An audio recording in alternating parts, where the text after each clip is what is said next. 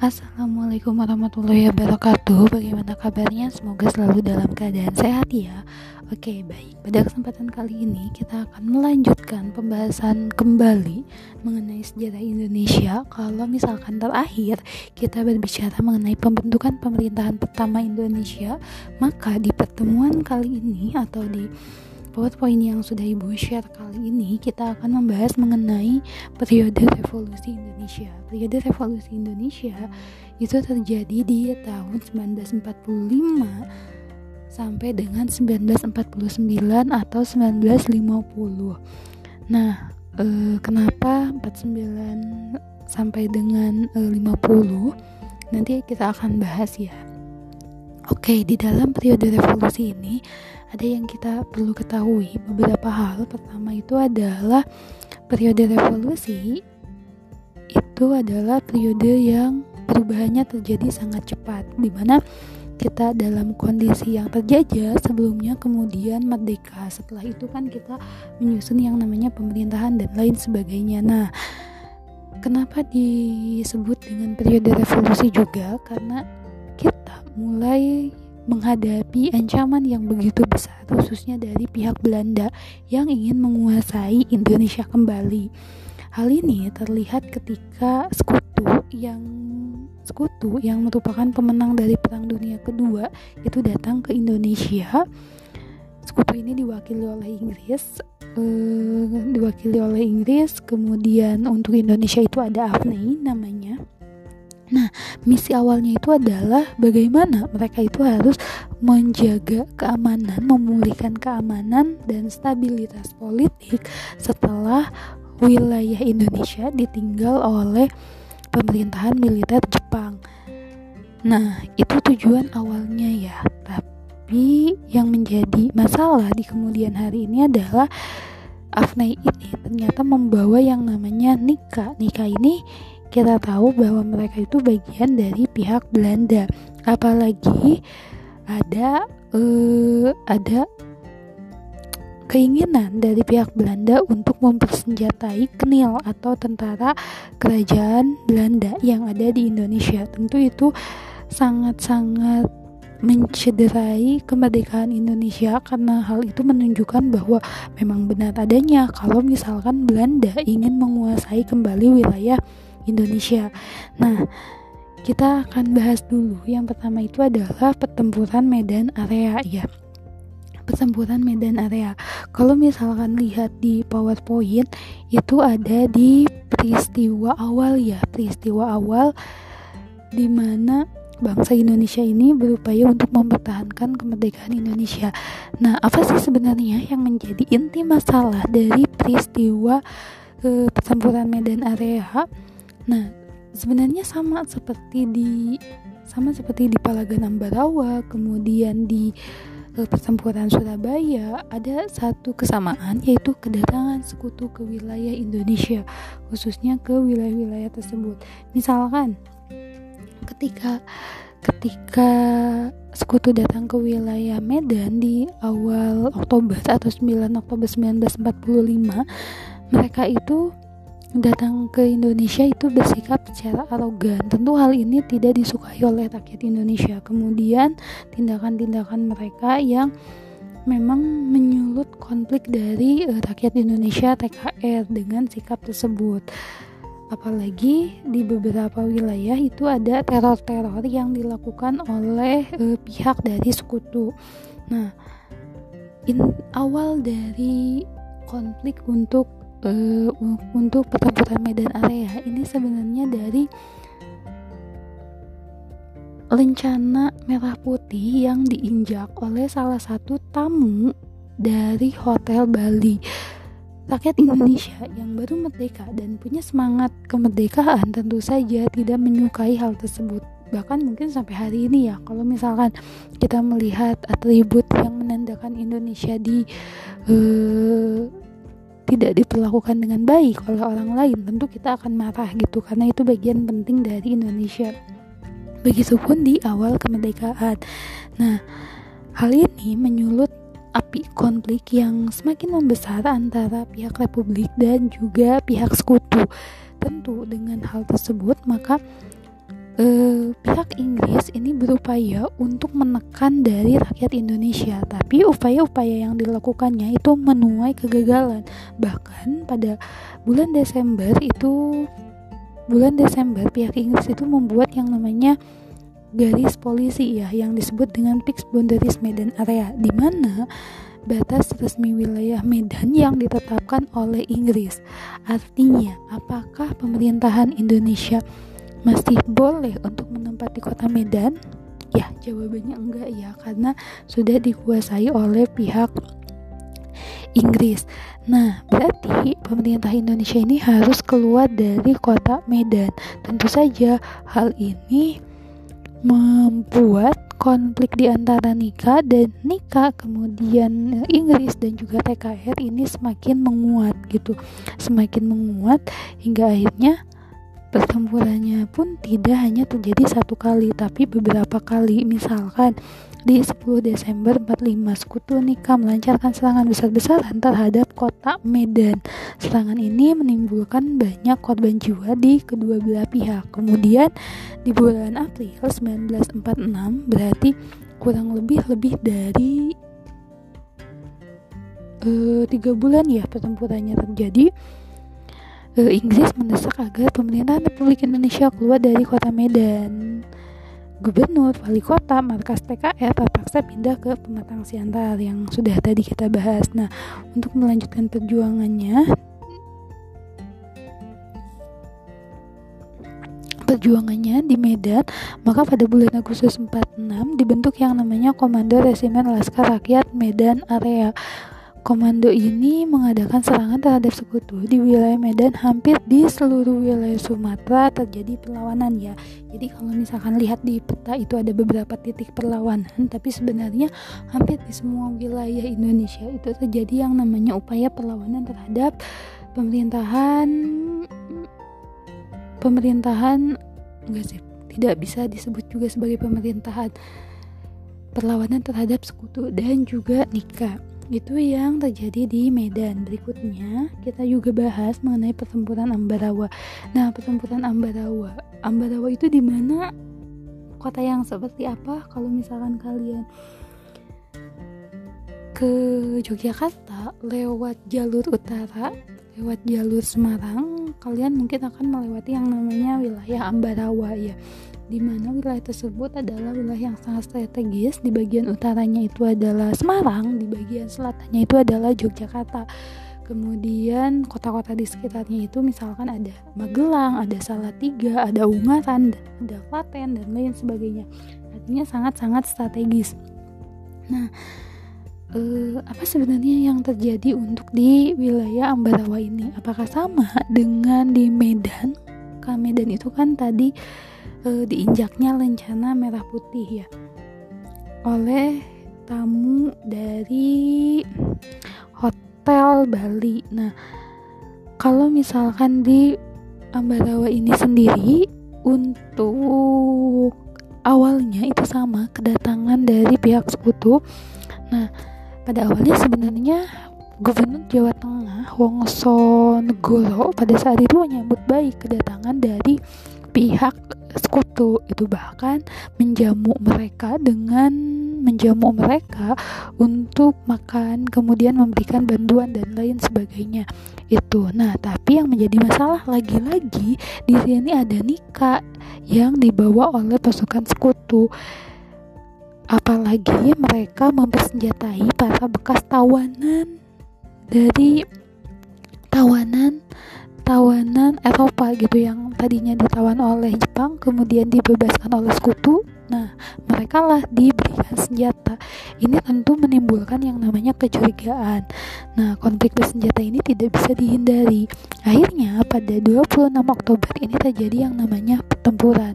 Nah, melihat hal tersebut terjadi, pemerintah pusat, khususnya Soekarno pada saat itu, berupaya untuk meredakan. Caranya bagaimana? Dengan berupaya datang ke wilayah Magelang dan melakukan perundingan dengan Brigjen Battle perundingan tersebut menghasilkan kesepakatan ada 12 kesepakatan tiga di antaranya itu adalah pertama sekutu tetap menempatkan pasukannya di Magelang. Kemudian jalan raya antara Magelang dan juga Semarang itu harus tetap dibuka ya.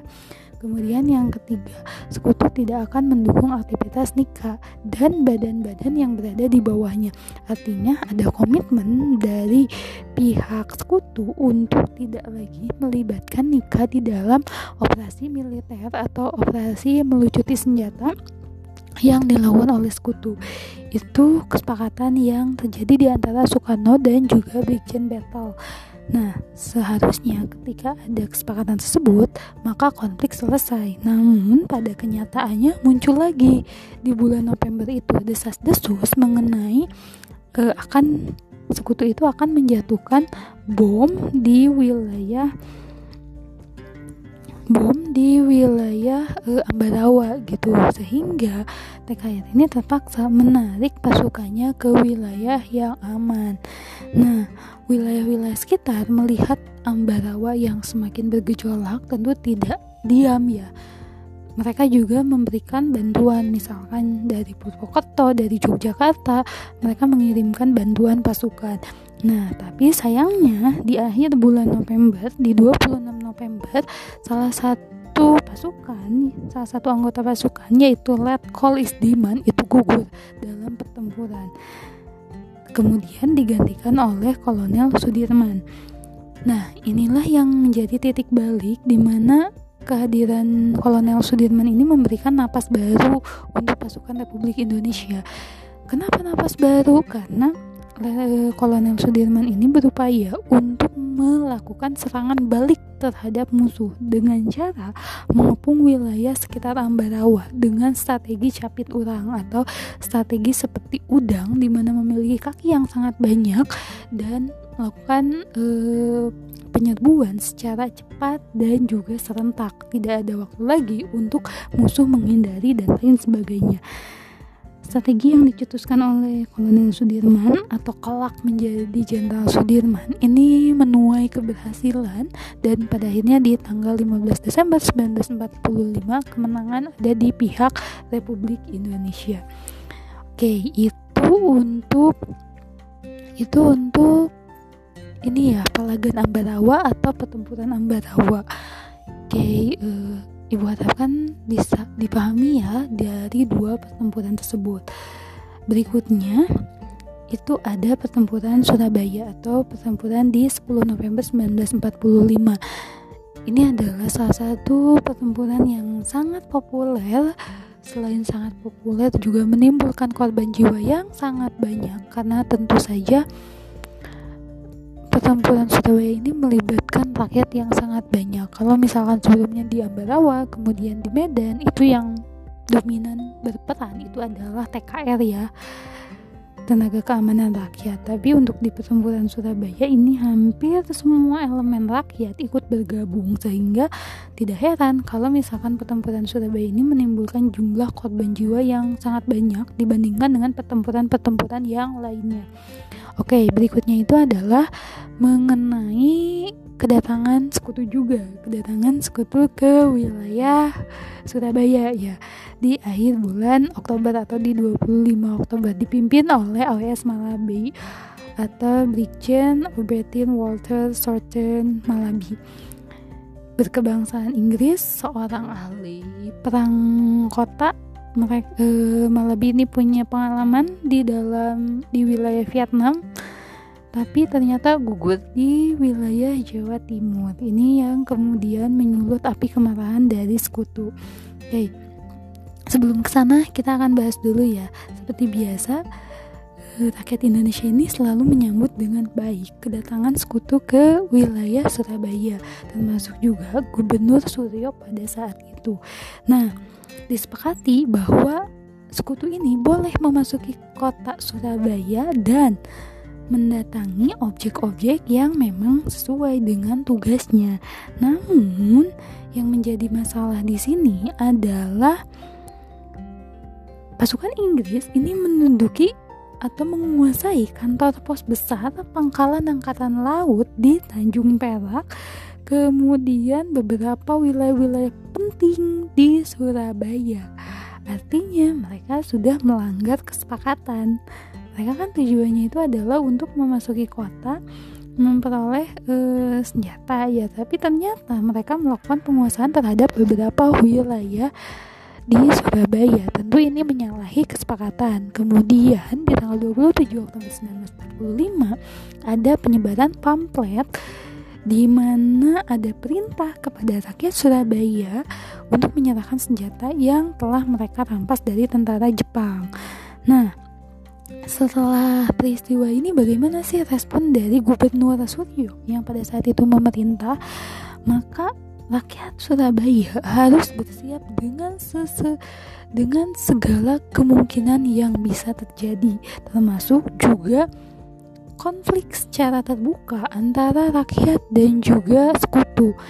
Nah, 27 Oktober itu kan ada penyebaran pamflet menggunakan pesawat tempur. Kemudian e, meluas secara cepat, meluas secara cepat berubah menjadi perlawanan untuk merebut kembali lokasi-lokasi yang sudah diduduki oleh sekutu.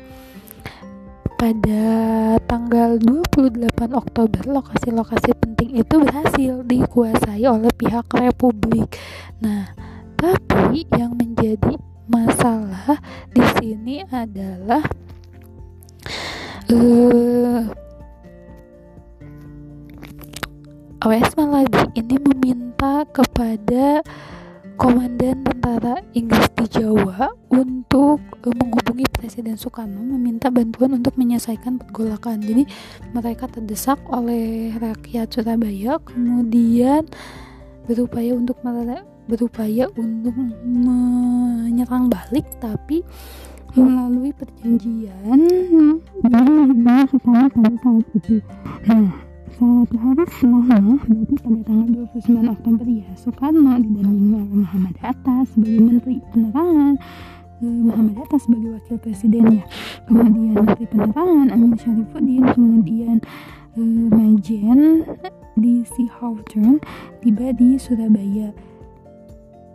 Nah, di sana mereka melakukan negosiasi atau kesepakatan untuk dua-duanya baik itu sekutu maupun sekutu maupun rakyat itu melakukan yang namanya aksi gencatan senjata atau menghentikan perang sementara. Ya tidak ada yang namanya aksi tembak menembak itu tidak ada tidak diperbolehkan. Tapi sayangnya di tanggal 30 Oktober berarti satu hari setelah kesepakatan tersebut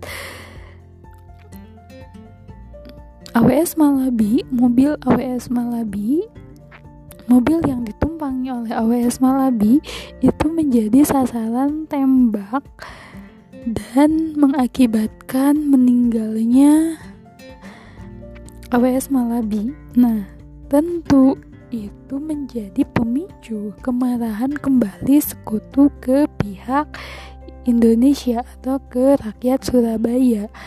Beberapa hari setelahnya, di tanggal 7 November, pemimpin tentara Inggris Mayor Jenderal Marsha ini menulis surat kepada Gubernur Suryo untuk uh, Gubernur Suryo ini mengecam mengenai aksi yang terjadi kepada Malabi atau kematian yang dialami oleh Malabi, Malabi dan menuding bahwa gubernur ini tidak mampu mengendalikan rakyatnya sendiri.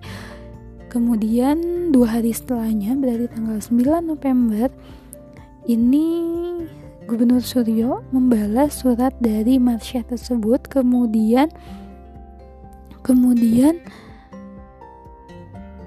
Gubernur Suryo bersama dengan rakyat itu bersiap dengan segala kemungkinan yang memang harus mereka hadapi.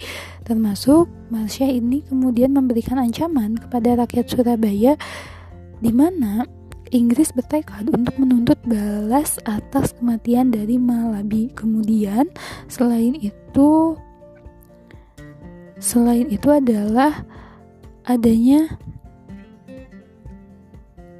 adanya ultimatum adanya ultimatum kepada kepada rakyat Surabaya untuk mereka menyerahkan senjata dan membawa bendera putih sebagai tanda menyerah dan memberikan batas waktu itu di tanggal 10 November. Jika ultimatum tersebut tidak diindahkan, maka Inggris tidak segan-segan akan menghancurkan kota Surabaya dari berbagai arah. Itu di tanggal 10 November.